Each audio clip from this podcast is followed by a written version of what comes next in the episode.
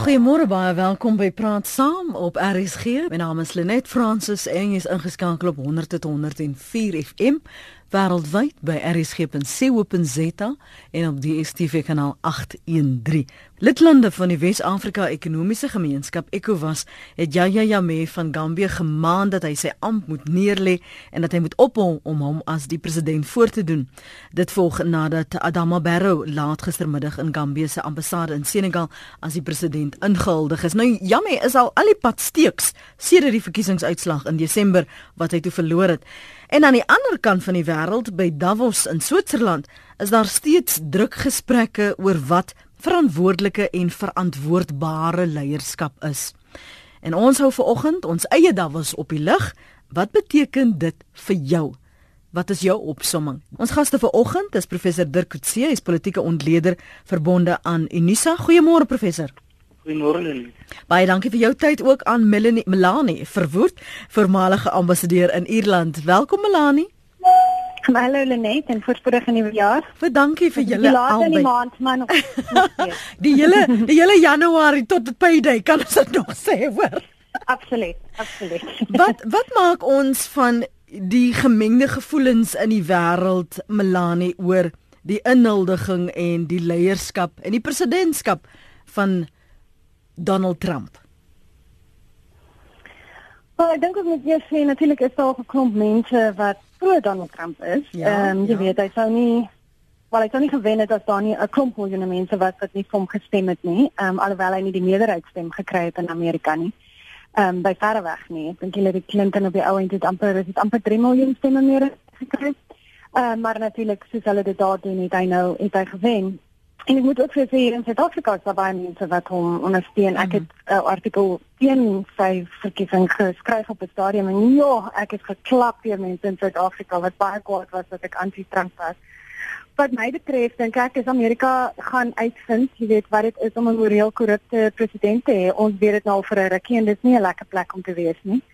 Ehm um, en ek dink Amerika gaan dit nou uitvind. Ehm um, iemand wat nie wat nie werklik vir hom skaar by menseregte nie, wat nie werklik ehm um, waardes wat ek dink meeste van ons wat glo in liberale en menseregte waardes, dis nie regtig waarvoor hy staan nie. Hy is 'n man wat glo in die in die markte en in die ekonomie meer as enigiets anders en in sy wêreld lyk dit asof dit is wat gaan geld. Ehm um, jy weet en en hy en hy gaan ook baie problematies om met die waarheid wat iets is wat natuurlik al hoe meer gebeur binne die politieke sisteme reg oor die wêreld en ons kan bietjie daaroor praat jy weet hierdie die konsep van post-truth of post-waarheid Mm, mm. ehm um, tyd waarin ons lewe waar politici hulle nie meer werklik soveel steur aan feite nie maar meer net hulle beroep op ehm um, mense se emosies en veral mense se vrese. Mm. Ek dink dis hoekom mense onrustig is, jy Ja, weet. ek dink ons moet beslis daaroor praat veral as ons praat oor verantwoordelike en verantwoordbare leiers uh, en die, wat ons in die wêreld sien gebeur. So ons parkeer hom net vir 'n oomblik. Waarom dink jy ehm um, professor Dirkutse is daar hierdie gemengde reaksie? Is dit omdat dit blyk asof mense regte nie te hoog op sy agenda is nie? Ja, ek dink wat ons sien in Amerika is 'n simptoom van 'n meer en meer verdeelde samelewing wat daar besig is om te ontwikkel. Um op verskeie terreine, dit is nie net in terme van die politiek nie, dit is in terme van rasseverhoudinge, dit is in terme van die die ekonomiese situasie wat meer en meer ongelyk word, die middelklas wat besig is in in baie mense se gemoed om om kleiner te word of selfs Hmm. bedreig te word. So dit is uh, lande soos Amerika en baie lande in Europa gaan deur 'n ernstige transisieperiode of, of, of wat in 'n wese seker kan mense sê in 2008 omtrent begin het as jy mens nou 'n spesifieke datum soek daarvoor. Ehm um, maar dit is iets wat te maak het met ehm um, ek dink modernisering aan die een kant, globalisering aan die ander kant. Dit gaan oor identiteitsvraagstukke wat mense voel dat hulle nie meer so gebonde is aan spesifieke lande en nasionale identiteite nie. Hulle voel bedreig daardeur. Daar's 'n konservatiewe terugkeer na byvoorbeeld uit plaaslike tale, die die die die kwessie of die gevaar van immigrasie as gevolg mm. daarvan, die onseker element wat dis inkom. So dis dis 'n totaal nuwe samelewingsidee wat besig is om te ontwikkel, identiteitsvraagstukke begin anders word as in die verlede. Um die idee van nasionale identiteit ten spyte van globalisering wat die idee van groter word beklemtoon, mm. lyk dit asof daar 'n terugkeer is na na kleiner word. Um en dit is baie wat met Donald Trump te maak het. Die idee van Amerika moet in homself inkeer moet na homself kyk. Mense in Amerika moet weer hulle eie werkgeleenthede soveel as moontlik probeer beskerm ten koste of uh, in die, in die teenwoordigheid van groeiende kompetisie van van van die buiteland of van ander lande. En terwyl aan die ander kant is daar groeperings in al hierdie lande wat voel dat uh, hulle moet vooruit beweeg dat die uh, die die logika van die moderne wêreld mm. die van meer intieme kommunikasie dat daar meer direkte kontak tussen mense is dat die rol van politici in 'n sekere sin besig is om minder te word. Ehm um, en dat dat dat funksies soos byvoorbeeld die sosiale media ehm um, en ander faktore soos die beter wat makliker beweeg tussen lande, ehm um, dat dit begin om op 'n globale vlak net meer en meer prominent te word. So ek dink wat ons sien is is 'n inherente soeke na wat wil mense spesifiek hê en waar vind hulle 'n gevoel van veiligheid vir hulle self en ek dink Donald Trump het definitief dit uh, ontbloot of dit geëksploiteer tot 'n groot mate. Um, en dit wat vir mense om soms kritiseer is hy voor in, in baie mense se gemoed baie geweld voor. Mm. Hierdie hierdie identiteitsvraagstukke en jy het ook verwys na die, die gevaar van migrasie. Dit klink so baie na die redes wat uitgewys is vir hierdie jaar met die Brexit uh, stemming is dit dieselfde soort uitdagings wat Teresa mee sit dan uh, professor?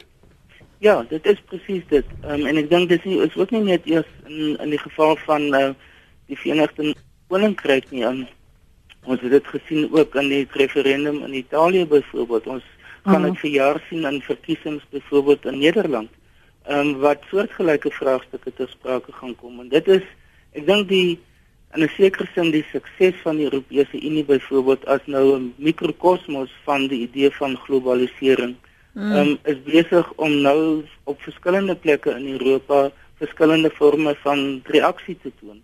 Um, ek meen 'n land baie van die skandinawiese lande was voorheen gesien as baie tegemoetkomend teenoor die ontwikkelende wêreld het baie ontwikkelingshulp gegee maar nou dat immigrasie immigrante van daardie lande soos byvoorbeeld Sirië of die Midde-Ooste um, begin om op hulle voor hulle deur te staan en nou begin mense daarna anders kyk omdat dit te maak het met wat beteken die konsep om 'n sweet te wees.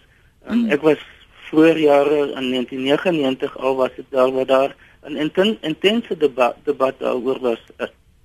Uh, uh, wat beteken dit um, om 'n sweet te wees? Beteken dit om net Sweeds te kan praat? Beteken dit om in Swede te gebore te wees want moskeeë begin is daar begin gebou. Mense vra is dit deel van die Sweedse identiteit? So dit is die die vraagstukke wat mense bombardeer regtig in in baie dele van die wêreld. Ek dink Suid-Afrika het in 'n sekere sin 'n voorsprong op hierdie gebied in die sin dat ons so divers vir ons hele geskiedenis was. Hmm. Ehm um, en ons het die idee van anders of verskillend of ander godsdienste of so het het ons oor tyd waarskynlik beter geïntegreer in die Suid-Afrikaanse samelewing as wat wat hierdie lande doen wat dit nou op 'n baie laat stadium gekonfronteer word daarmee.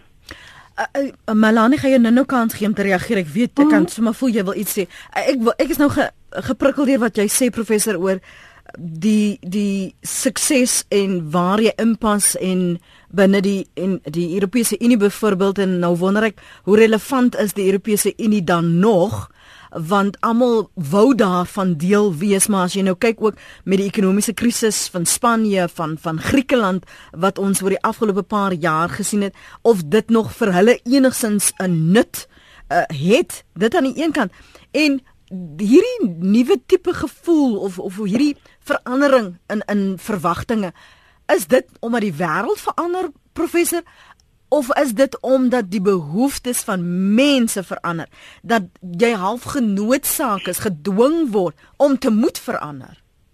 Wel ek dink dis die laasgenoemde want dit is dis die essensie van enige politieke besluit of enige politieke beweging is uiteindelik wat is wat is die effek daarvan op die bevolking? Um, dit is nie iets wat in isolasie as 'n politieke fenomeen kan bestaan Ehm um, en ek dink wat ons nou begin sien is mense begin op grond daarvan dat daar byvoorbeeld 'n groeiende werkloosheid is in 'n land soos Spanje of Italië, ehm um, of lande soos wat op die drempel staan om byvoorbeeld in die Europese Unie in te kom of graag wil soos Turkye wat nou omge omgedraai het ehm um, en nou kyk na na Rusland en ander lande in die Midde-Ooste en eerder hulle visie daarin skuif. So dit is daar daar's definitief verskillende uh oorwegings of motiverings daarvoor, maar uiteindelik is die die inwoners van hierdie lande vra vir hulle self wat gaan dit vir my as persoon beteken? Gaan dit beteken dat ek werksgeleenthede het om in 'n ander Europese land te kan gaan werk of is dit daar waar groot geword het waar ek woon, is dit 'n bedreiging dat mense van buite daar gaan inkom en dat my idee van identiteit van plaaslike identiteit met die tyd miskien afgewater of selfs kan verdwyn.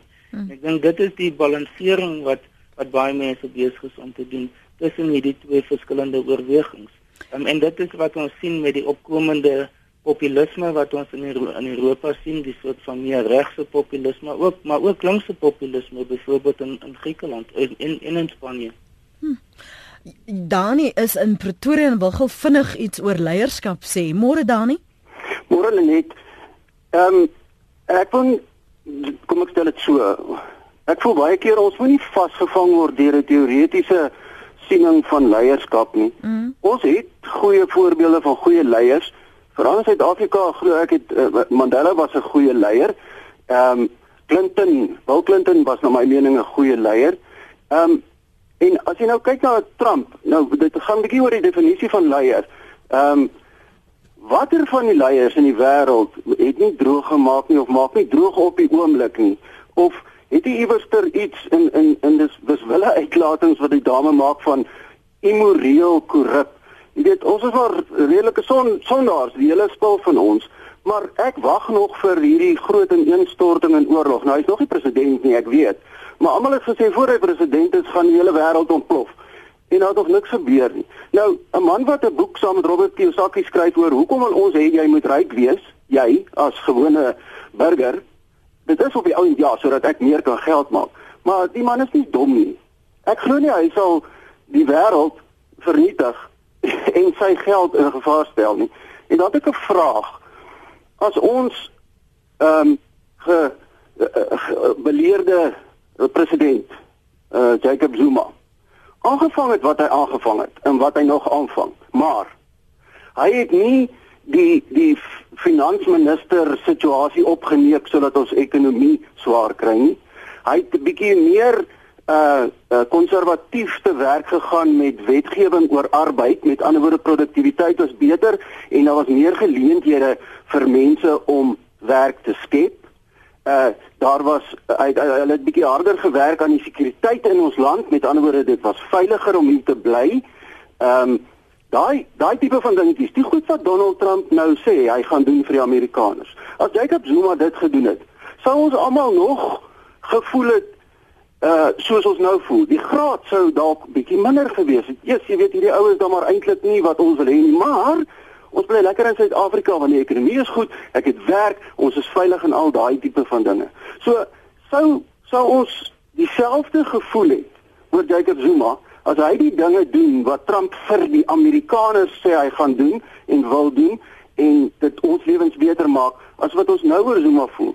So ek voel net baie keer, maar nie eers die Bybelse leiers ehm um, was perfek en het nie foute gemaak. Party van hulle het maar heel redelik immoreel korrup opgetree. Maar leierskap en die sorg dat die groot massas jy weet uh, suksesvol kan leef is iets heeltemal anders. Ek sal gou hoor wat wat sê sê jou gaste daaroor. Dankie Dankie Dani, dankie vir die vir die bel. Kom Melanie. Ek sê saam met Dani dat ons moet 'n gesprek hê en ek voel baie sterk daaroor. Ons moet 'n gesprek hê in die wêreld maar veral ook in Suid-Afrika gegee die jaar wat ons nou ingaan oor wat is dit wat ons in leiers soek. Ehm um, en vir my deel van die probleem is dat dat ons al hoe meer in die wêreld begin skier raak het om oor waardes te praat. Mm. Jy weet ons bou nie dit is nie meer so cool om goed te noem soos eerlikheid of dat iemand braaf wees mm. ensovoorts nie. Jy weet. Ehm um, So net 'n paar punte oor wat Dani gesê het. Ehm um, ek het nog nooit gesê ek dink die wêreld gaan in duie stort of ontplof omdat Donald Trump is nie. Ek dink intendeel die ekonomie van Amerika gaan jou waarskynlik nie so sleg doen nie. Wat ons reeds gesien het is dat die jy weet hoe die hoe die markte gereageer het, die besigheidsmense. Besigheid sover ek kan sien stel nie in my werk met hulle met besigheidsmense. Hulle stel nie regtig belang in waardes en so nie. Vir hulle hulle is sekerheid. So as hulle naasbei weet watter pad hulle gaan loop, gaan hulle geld maak enige kant toe. Hmm. Maar besigheid en politiek en leierskap is nie noodwendig dieselfde ding nie. Ehm uh, net soos ook om slim of dom te wees beteken nie dat jy moreel of immoreel is nie. So ek dink nie daai goed met 'n mens verwar nie ek ek dink Donald Trump is immoreel uit die goed wat hy gesê het en gedoen het tot dusver in sy lewe. En dit het niks te doen met of hy geld maak of nie geld maak nie. Ek het nog nooit in detail gaan kyk hoe hy sy geld gemaak het nie, maar die feit dat hy ryk is, het vir my niks te doen met of hy moreel of immoreel is nie. Wat vir my klaar is, die goed wat hy gesê het en wat uitgekom het tydens die verkiesingsveldtog, sy sy die hele storie rondom vroueregte. Ek dink as jy daai tipe goed in ons wêreld sê, dan is daar 'n baie baie groot probleem. En ons moet onthou dat as jy 'n leier word van 'n land, enige land, maar soveel te meer nog as jy die leier van Amerika word en daarom een van die groot superpowers is, word jy aan 'n groter, moet jy aan 'n hoër standaard voldoen. Moet jy aan 'n hoër so jy weet, moet daar 'n hoër maatstaf wees waarteen jy gemeet word. En die goed wat hy gesê het, die goed wat uitgekom het uit sy uit sy daai uit oor hoe hy wat omgegaan het met vrouens die feit dat hy blaatant gejok het keer en keer en keer eh, jy weet wat hulle dit uitgewys het op die media. Sy uitsprake oor immigrante sy uitsprake oor Mexiko en so voort daai dinge is my baie baie problematies en ja ek beskerm nie vir Jacob Zuma nie. I mean ek dink regtig nie die maatstaf wat ons moet gebruik wanneer ons leiers moet meet deesdae is teen Jacob Zuma nie. Dit sal nie dit is dink ek nie die manier wat ons mense moet nie. Jy weet ek dink Ek dink wat vir my een van die en dit is miskien 'n baie interessante gesprek om te hê, is wat is daai daai waardes? Maar uh, president Mandela het eendag vir my gesê toe ek hom 'n vraag oor iets gevra het, iewers ons het iewers gery. Het hy vir my gesê, weet jy Melanie, 'n leier doen 90% van die tyd wat die mense wil hê hy moet doen. Maar 'n goeie leier weet wanneer daai laaste 10% kom en wanneer hy moet gaan teen wat die mense wil hê hy moet doen omdat hy weet dit is moreel die regte ding om te doen. En ek dink dit is wat wat wat wat die vraag raak om leiers. Wanneer dit nie meer die populêre ding soos die professor Kotse gesê het, wanneer dit nie meer populêr is nie, wanneer dit nie meer is om in te speel teen vrese nie, wat jy weet dit gaan nie meer vir jou stemme bring by die by die by die volgende verkiesing nie, maar jy weet dit is die regte ding. Die doodstraf byvoorbeeld in Suid-Afrika is 'n goeie voorbeeld daarvan en in baie lande in die wêreld. Waar jy waarskynlik as jy die meerderheid mense vra sal hulle sê ons wil doodstraf hê, maar dat jy weet moreel dat dit nie die korrekte ding is om te doen nie. En en jy weet, ek dink dit is die vraag wat ons moet begin vra. Um, en ek dink daai vraag is bietjie weg in die wêreld. En professor Kotse is reg. Dis wat besig om te gebeur globally. Dis nie net dis nie net in Amerika of in in in Brittanje nie. Dis besig ons gaan dit sien in die volgende Franse verkiesing hierdie jaar ook. Dit het in Oostenryk gebeur. Turkye is natuurlik ook in 'n baie moeilike posisie. En die Swede, interessant genoeg wat tyd uit genoem die Skandinawiese lande. Ek het net 2 weke terug met iemand 'n uh, gesprek gehad oor wat in Swede aan die gang is. Selfs daar is van die regse partye besig om baie sterk te word in op 'n anti-immigrasie agenda. Maar ons kan nie net politici kan nie net werk op om om mense bang te maak en daarom dis 'n ou strategie daai en, en en jy weet dit is 'n belediging vir ons as kiesers as hulle die hele tyd net vrees gooi om ons om ons stemme te wen. Maar wat sê dit van die wat van die kiesers ook dat hulle ja. nog Wel ek dink professor Kutse sê dit genoem hmm. dat hy gesê het kyk Ek dink dit is wat ons wêreldwyd sien, is as daar ekonomiese druk is, so dit kom maar alles alternatief weer af natuurlik na mense na die ekonomie toe, maar aan die een kant sien ons hierdie ongelykhede in die wêreld. So mense, ons sien oorloë en ons sit baie keer oor ekonomiese goed gaan. Mense vlug dan daai lande. So nou raak die druk in hande waar dit bietjie beter gaan meer. Nou sien ons 'n globale resessie, so al die lande begin swaar kry.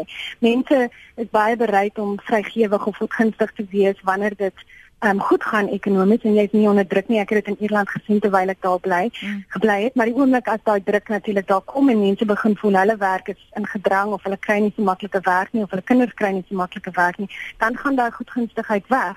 En dan skielik raak die ander in ons samelewing mm. vir ons 'n mm. groot groot ding. Ehm um, en en en en ja, en ek dink ek dink dit is waarlik dat ek dink ons kiesers dink nie altyd en ons word baie gedryf deur sosiale media en natuurlike media wat nie altyd baie goed is nie. Ons gaan nou na terug na die lyne toe. Professor, dalk wil jy reageer op 'n spesifieke scenario wat Dani geskets het uh, met as ons president in dieselfde omstandighede was soos uh, Donald Trump. Ja, ek dink natuurlik weet ons almal dat die die die vraagstukke wat Donald Trump konsentreer is is baie anders as die Suid-Afrikaanse vraagstukke. Ons het byvoorbeeld nie dieselfde kwessie oor ehm um, internasionale handel en handelsooreenkomste wat 'n belangrike deel van van sy hmm. verkiesingsveldtog was of die verhouding met Mexiko of met ons het Zimbabwe ons het Mosambiek ons het ander lande maar dit is dit is nie dis nie dieselfde dinamika wat daar gesproke is nie.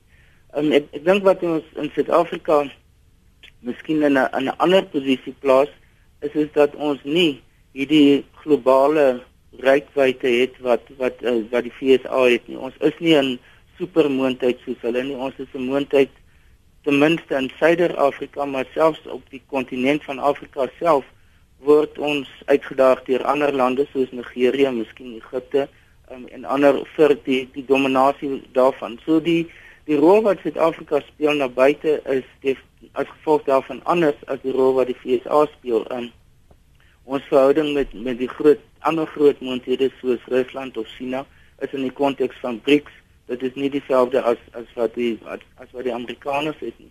Ehm um, ek dink wat die Suid-Afrikaanse regeringsbenadering is is is nog baie om uit te reik na buite om nie geïsoleerd te wil wees om homself te in 'n sekere sin te verskans um, teen ander nie uh, die die ons Suid-Afrika se betrokkeheid binne die streek en SADC binne die Afrika Unie is alles is eerder om betrokke te raak na buitentoe om 'n rol na buite te speel. So in daardie sin is die konsep van leierskap in Suid-Afrika het dit 'n ander betekenis. Dit het 'n ander inhoud as die Amerikaanse een wat eerder die van 'n van 'n supermoondheid is wat probeer om strategies betrokke te raak in sekere gebiede in die wêreld en dan spesifiek vir nasionale belang. Ehm um, of dit nou is in die Midde-Ooste of of in die Ooste in 'n verhouding met met lande soos Indonesië of Maleisië of Singapore of Vietnam ehm um, of in Latyn-Amerika. Suid-Afrika het nie daardie reikwyte nie en daarom is die die die die oorwegings wat sprake is byvoorbeeld in die verkiesing van 'n president in Suid-Afrika of van 'n uh, algemene verkiesings is baie anders as in Amerika as as, as in Amerika.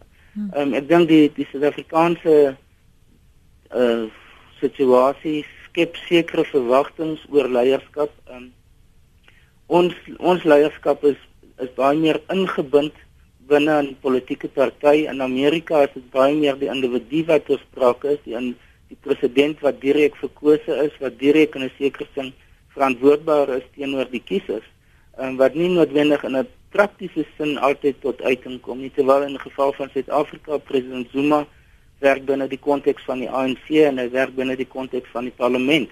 Daarom het ons die nosies van wantroue wat in die verlede daar was en wat nie in Amerika te sprake is nie. So die die hele konteks van hoe die die leier in verhouding staan tot die wetgewer byvoorbeeld um, tot sy eie party is is baie anders en dit het dan ook 'n uh, 'n groot uh, impak op hoe ons na leierskap spesifiek kyk. Uh, daar is in 'n sekere sin verwag ons dat die Suid-Afrikaanse leier, president, moet 'n leidende figuur wees, maar terselfdertyd moet hy hom nie self heeltemal losmaak mm. van sy konteks waarvan hy kom nie en dit is dis die ANC as politieke groepering as politieke party.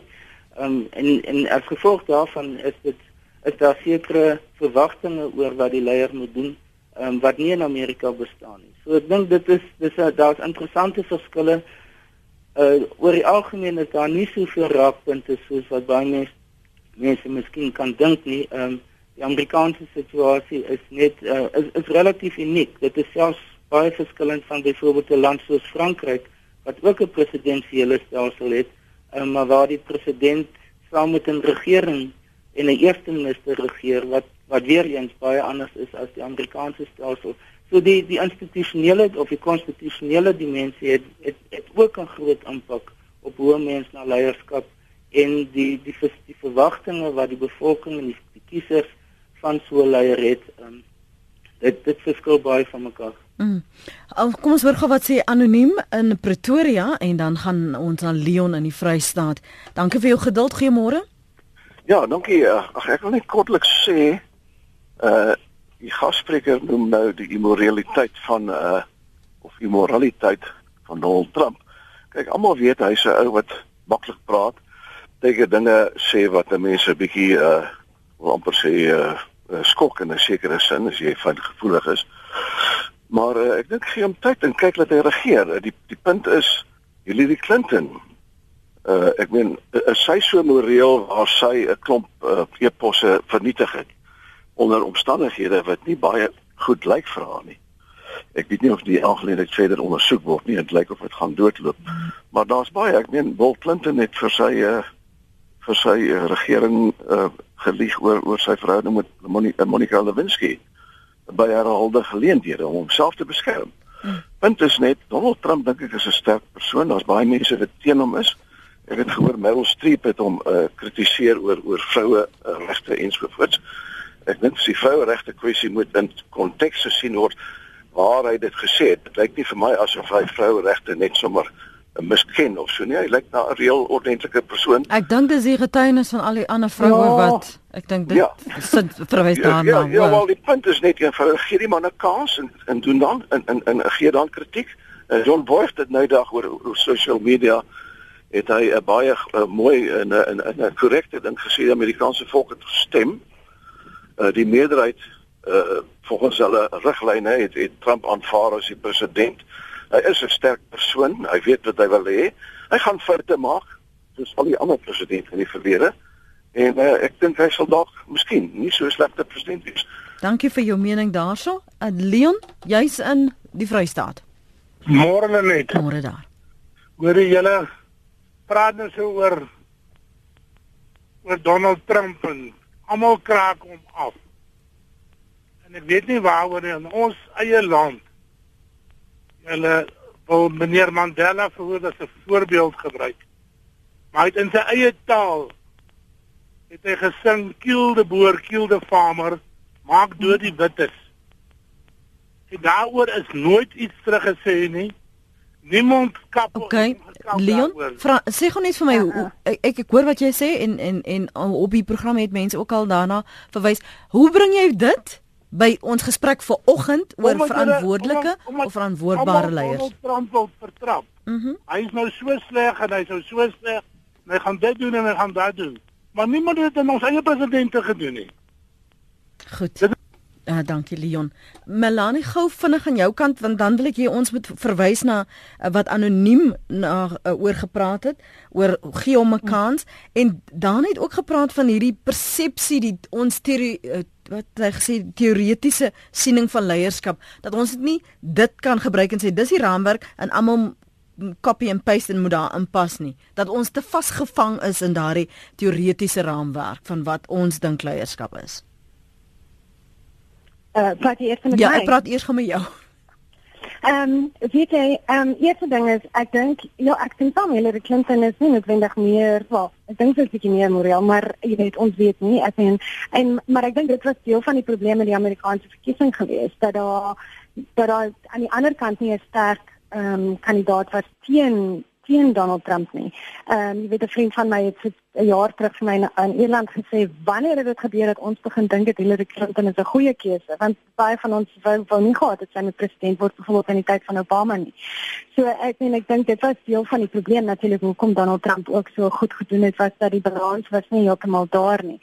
Maar ek ek ja, oor die vroueregte moet ons baie versigtig wees. Ek dink as ons gaan begin sê daar's konteks daaraan, daar's nie 'n konteks as jy begin en ek sal dit nou nie oor die radio sê nie, maar as jy begin praat met selfs al is dit met jou vriend. Ehm um, en en jy begin brag oor die feit dat jy vrouens kan gryp tussen die bene omdat jy so omdat jy so ryk en en magtig is en dit en jy wil die magtigste man, een van die magtigste manne in die wêreld word. Ek dink daar's 'n groot probleem. Ons moenie dit probeer regverdig nie. Daar's geen manier wat jy dit kan regverdig nie. Ehm um, ek dink dan kom ons kry 'n kans, kom ons kyk of hy president kan word, maar ek dink jy dit, jy word nie sommer president oornag nie. 'n President dink ek word word gemaak, word mm. grootendeels gebore.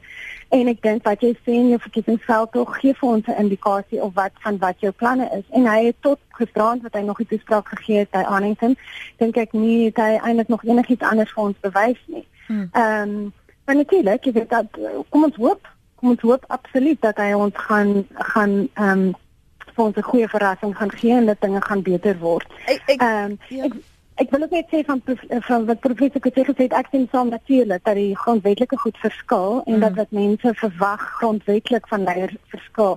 Ek dink wel en ek is seker hy sien saam met my dat daar is 'n soort van universele gesprek wat ons kan hê oor sekere waardes wat ons soek in leiers en ek dink jy weet goed soos eerlikheid, deursigtigheid, mm. braafheid, die feit dat hulle moet kan opstaan teen oneerlikheid in ons land dat ons wil nie 'n leier hê wat ons verder gaan verdeel nie en wat nie op tribalism gaan werk nie. Jy weet, daai tipe goed en dit is miskien dan 'n verdere gesprek wat ons kan hê. Mm. As ons dan nou praat oor verantwoordelike of verantwoordbare leierskap professor Kutse en ons kyk na die jongste uh, voorval met Yahya Jammeh van Gambia en ek weet nie of 'n neet al ooit so geklou het soos hy om presidente wil bly nie. Maar 22 jaar later, 22 jaar later, waarom is sekere leiers so behep om aan bewind te bly? Maar ek dink daar's baie redes daarvoor. Um, die een is is dat hulle begin dink hulle is uh die land kan nie sonder hulle bestaan nie. Daar word 'n soort van 'n uh direkte verhouding ontwikkel tussen hulle as persoon en die posisie wat hulle ontwikkel dat hulle dit nie sien as as dat hulle daar is ter wille van die gemeenskap in die algemeen dat hulle daar is om diens te lewer nie maar hulle begin amper goddelike kwaliteite ontwikkel van dat hulle is onmisbaar. Um, en dat as hulle nie daar is nie gaan die land nie kan voortbestaan nie. So daar's 'n daar's 'n soort van 'n psigiese proses wat is dan om plaas te vind om te sê wel ons ons het, ons, ons het, het so dit is amper die goddelike reg van konings as ek dit nou in 'n ekstreme vorm kan noem. Mhm. waar die ou konings geglo dat hulle deur deur God daar geplaas um, en daarom het hulle 'n goddelike verantwoordelikheid. Um, baie baie presidente is besig om iets soort het het oor tyd iets so soortgelyks begin ontwikkel. Um, en as gevolg daarvan is enige persoon wat al diskritiseer kritiseer nie net die, die president nie, maar kritiseer eintlik die land. Dis hoekom ons sien in baie lande soos nou um, byvoorbeeld in Turkye in uh, in Zimbabwe ook dat dit is 'n misdaad om die om die president te kritiseer om hom of, of om hom voor te stel in 'n satiriese op 'n satiriese manier of so. Mm. So ek, ek dink dit dit is die groot probleem en dit is die logika van die die twee termyne. Ehm um, is dat 'n persoon moet uit daardie posisie uitgaan voordat hy daardie punt bereik. Um dat hy die punt bereik van waar hy dink dat hy so on uh, onmisbaar is um dat daar geen manier is hoe hy vervang kan word. Ons sien nou wat besig om te gebeur in die DRK, um wat die die die uh, verkiesing is nou on, uh, uitgestel tot uh, tot later want ons weet nie eintlik presies wanneer nie. Dieselfde was in Burundi geweest ehm um, waar dit tot konflik gelei het. Um, dieselfde was in Côte d'Ivoire met president Gbagbo wat dit eintlik deur deur na uh, deur die Franse weermag verwyder moes word. Ehm um, daar daar baie gevalle daarvan. Ehm um, en ek dink dit is as gevolg daarvan is daar die groeiende druk op lande om 'n beperkte periode in hulle konstitusie aan te skryf wat iemand 'n president kan wees. Hmm. Die die ironie van die saak is dit geld nie vir byvoorbeeld eerste ministers maar dit daar's 'n ander hmm. verhouding en dit is as gevolg van die feit dat hulle direk deur deur kabinet uh, of sy eie kabinet of deur die parlement verwyder kan word deur 'n moesie van wantroue. So dit dit is in essensie wat ons sien in in Gambia wat ek dink wat dit nog meer ironies maak is die feit dat um, president Jammeh aanvanklik toegegee het dat hy verloor het en en eintlik besig was om sy pos te verlaat toe hy 180 grade omgedraai het. En soos ek verstaan is een van die moontlike verduidelikings daarvan is dat die oppositie 'n groot fout gemaak het deur te sê dat hulle gaan hom vervolg vir sekere misdade wat hy gepleeg het tydens sy periode as, mm -hmm. as president. Maar dan kom ons nou terug na die die Al-Bashir situasie, mm -hmm. internasionale mm -hmm. straf of en en baie ander wat miskien nou nie vir vir nou ter sprake is nie. Maar dit het alles is relevant uiteindelik vir hoekom presidente hulle self verskans in hulle posisies. Jacques, dankie vir jou geduld. Goeiemôre. Hou dit vir my kort asseblief. Maak so, ehm um, dit was nie te werk om aan te hou. Ek glo dit sal 'n kostevoordeel wees vir my land en my mense. Ehm um, ek wil net uh, uh Môre môre, ek het nou net net tog gegroet. Ek wil net sê Dirk, ek het jou laas gesien met 'n bergrivier maraton, maar dit was tydens die wegspring. Daarna het ek natuurlik nooit weer gesien nie. Ehm um, ek wil net sê dat ehm um, op hierdie stadium, ons praat nou oor die hele tyd oor oor Trump en ek weet dit is relevant kontemporêr. Ek verskil van Dirk 'n bietjie in die sin dat enige president het verantwoordelikheid in terme van handelsbetrekkinge. Met ander woorde om die ekonomie ook te bestuur. Uh veral in ons land waar sukkel met groei, uh is dit 'n baie belangrike aspek. Uh dan almal is die hele tyd aan die fokus op ons huidige ehm um, posbekleer. Ek voel ons moet fokus op wat lê voor. Natuurlik as ons kyk kyk wat in Gambia gebeur, ons sal nou maar moet sien of ons huidige een nie ook so gaan klou en dalk 180 maak nie. Maar die punt wat ek wil by uitkom, ons praat oor verantwoordelikheid en verantwoordelike leierskap, verantwoordbaarheid. Ehm um, die idee lyk dit my kom nou daai Davos uit. Ehm um, ek weet nie of daar baie van daai ehm um, standaarde daar is nie. Maar wat soek ons hier? Ons soek iemand wat kan voorloop, wat respek het vir homself, respek het vir sy mense en wat dit wys deur sy dade en wat verkieslik sonder bagasie is. As ons kyk na wat wat is die, die keuses wat ons het en dit is wat 'n mens bekommerd stem en dit is waarop ons moet fokus want ons moet dringend begin kyk na alternatief. Mm. En dit hoef nie altyd uit iemand uit die ANC te wees nie, maar ek wil net ook ek weet nie of dit uh, mense bewus is daarvan nie. Uh daar is nou verwys na die DRK, maar uh een van die van die kandidate nou wat genoem word um en die voorsitter van die AI was of nog steeds is die die rede hoekom daai tydperk uh van diens verleng was is juis om die DRK se se situasie in stand te hou want die ons ons huidige bekleer is besig soos 'n neef is besig met 'n belangrike miljarde dollar transaksie in die DRK wat hulle wil afgehandel kry tydens Kabila se bewind. Ehm um, dan is daar van die mense wat sukkel met drankprobleme en so meer. Een wat verantwoordelik is vir 34 mense se dood. Uh, dit is die tipe uh opsies wat ons het. Ons moet bietjie begin weier kyk Goed. en ek hoop en ek glo dat ons volk ons daarin sal ondersteun. Miskien vir julle geleentheid gee. Ons het nog so 5 5 minute om om te gesels. Dalk wil jy raak aan wat hy sê daar uh dok, professor Kotse en dan ook laat ons praat oor die uitdagings wat dan in die wêreld bestaan. Hier's 'n 'n tweet wat ek vinnig vir julle wil lees van Skuld, 'n Stolz, Ina wat sê oor verantwoordbaarheid en dat en sy skryf hierson. Dit is die verantwoordelikheid van die kiesers om leiers verantwoordbaar te hou. En so dikwels hoor ons hier refrein. Maar hoe doen ons dit dan? Ja, ek ek dink wat nou is baie belangrike punte wat nou hier ter sprake gekom het. Ehm um, miskien net die eerste die handelsbetrekkinge. Ja, ek stem 100% saam dat uh, president is uiteindelik betrokke by die makro wat alles insluit onder andere is handelsbetrekkinge. Die aard daarvan verskil net tussen die Suid-Afrikaanse betrekkinge en byvoorbeeld die Amerikaanse betrekkinge. So dit bepaal ook hoe um, besluite geneem word en watter tipe verhoudings daar is maar in in wese gaan dit ek bly dit dieselfde.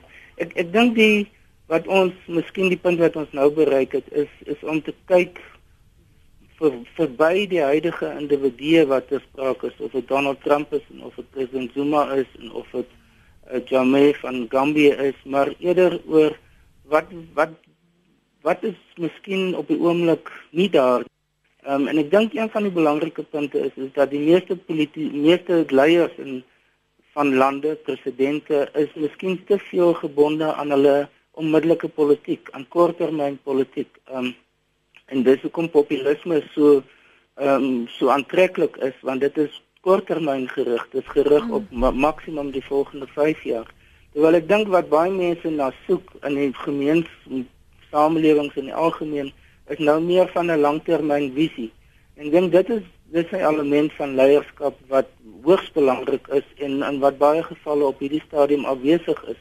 Uh, baie mense sien dit dat ons in 'n die wêreld in 'n oorgangssituasie is, maar daar's nie werklik indikatore van in watter rigting of wat is die visie vir na hierdie periode nie. En dit geld vir Suid-Afrika, maar dit geld net soveel vir Amerika of of baie ander Amerikaanse lande. Um, en ek dink dit is miskien iets wat die Chinese doen. Hulle het 'n 10 jaar visie vir elke leier. Elke 10 jaar word hulle leier vervang. Nou die manier hoe hulle dit doen, ek probeer ek nie propageer nie want dit is nie 'n demokratiese manier van hoe dit plaasvind nie maar dit dit skep 'n idee van dat 'n leier nie noodwendig gebonde is aan korttermynbelange nie. Hmm. Ek dink dit is een van die die groot probleme met leierskap in die algemeen. Ek dink iets wat wat baie mense ook na kyk is of soek is mense met integriteit.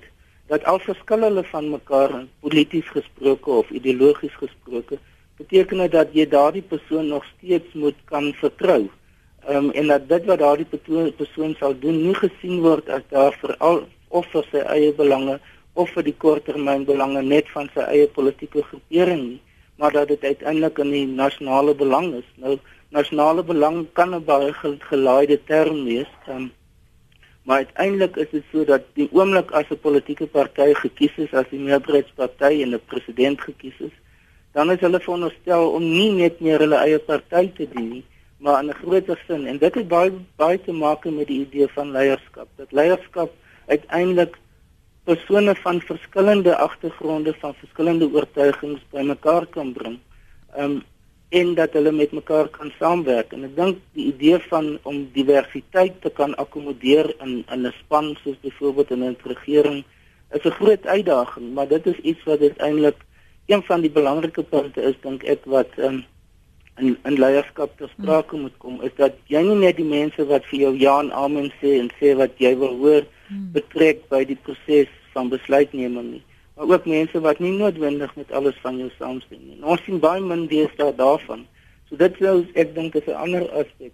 Die die in in terme van die die wêreld in die algemeen soos ek vroeër gesê het daar is dit lyk asof daar 'n 'n terugkeer na na die kleiner eenhede is na na state toe en dat daar minder die idee van internasionale leierskap is. En mense verwag dat van 'n instelling so sê maar die die Verenigde Nasies, die sekretaris-generaal van die Verenigde Nasies om hierdie groter internasionale leierskap te kan verskaf. Mm. Daar's ongelukkig op hierdie stadium relatief min daarvan.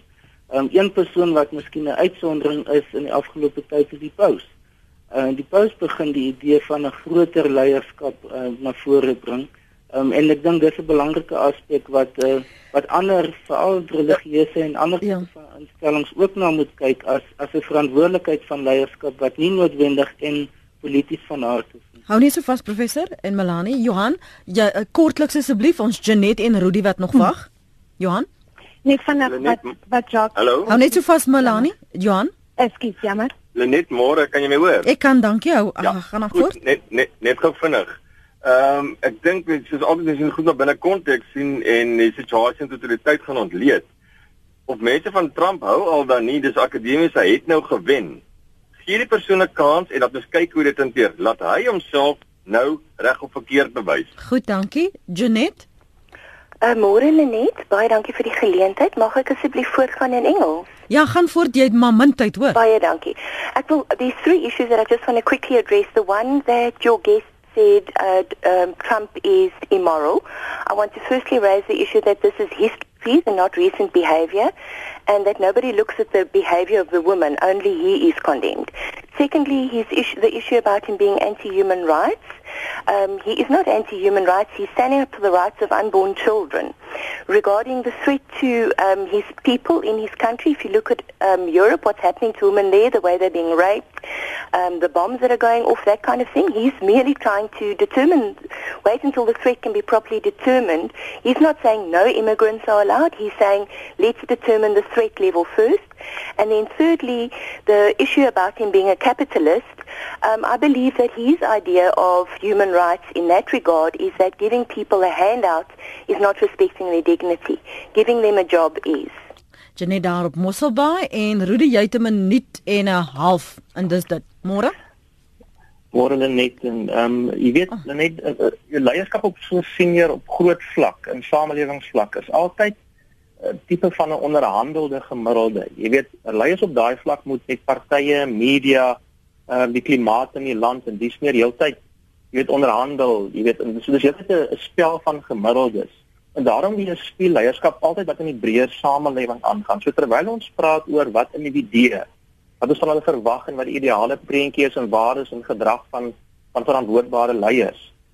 Jy weet is is daai fokus het 'n 'n beperking. Wanneer dit gaan oor wat die samelewing weerspieël in leiers, dan gaan dit oor wat die openbare instellings doen. Dit gaan oor wat NGO's doen. Dit gaan oor wat ehm um, burgers in die samelewing doen om leiers verantwoordbaar te hou.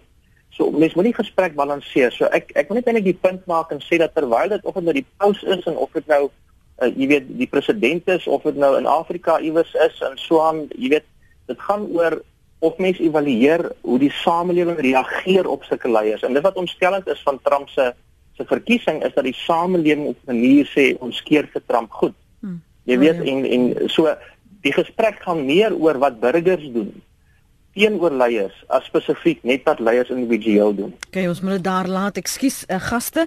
Dankie vir julle beskikbaarheid vanoggend. Ek vra om verskoning Melanie. Ons moet dit daar laat. Melanie verwoord voormalige ambassadeur in Ierland en professor Dirk Coetzee, politieke ontleder verbonde aan Unisa.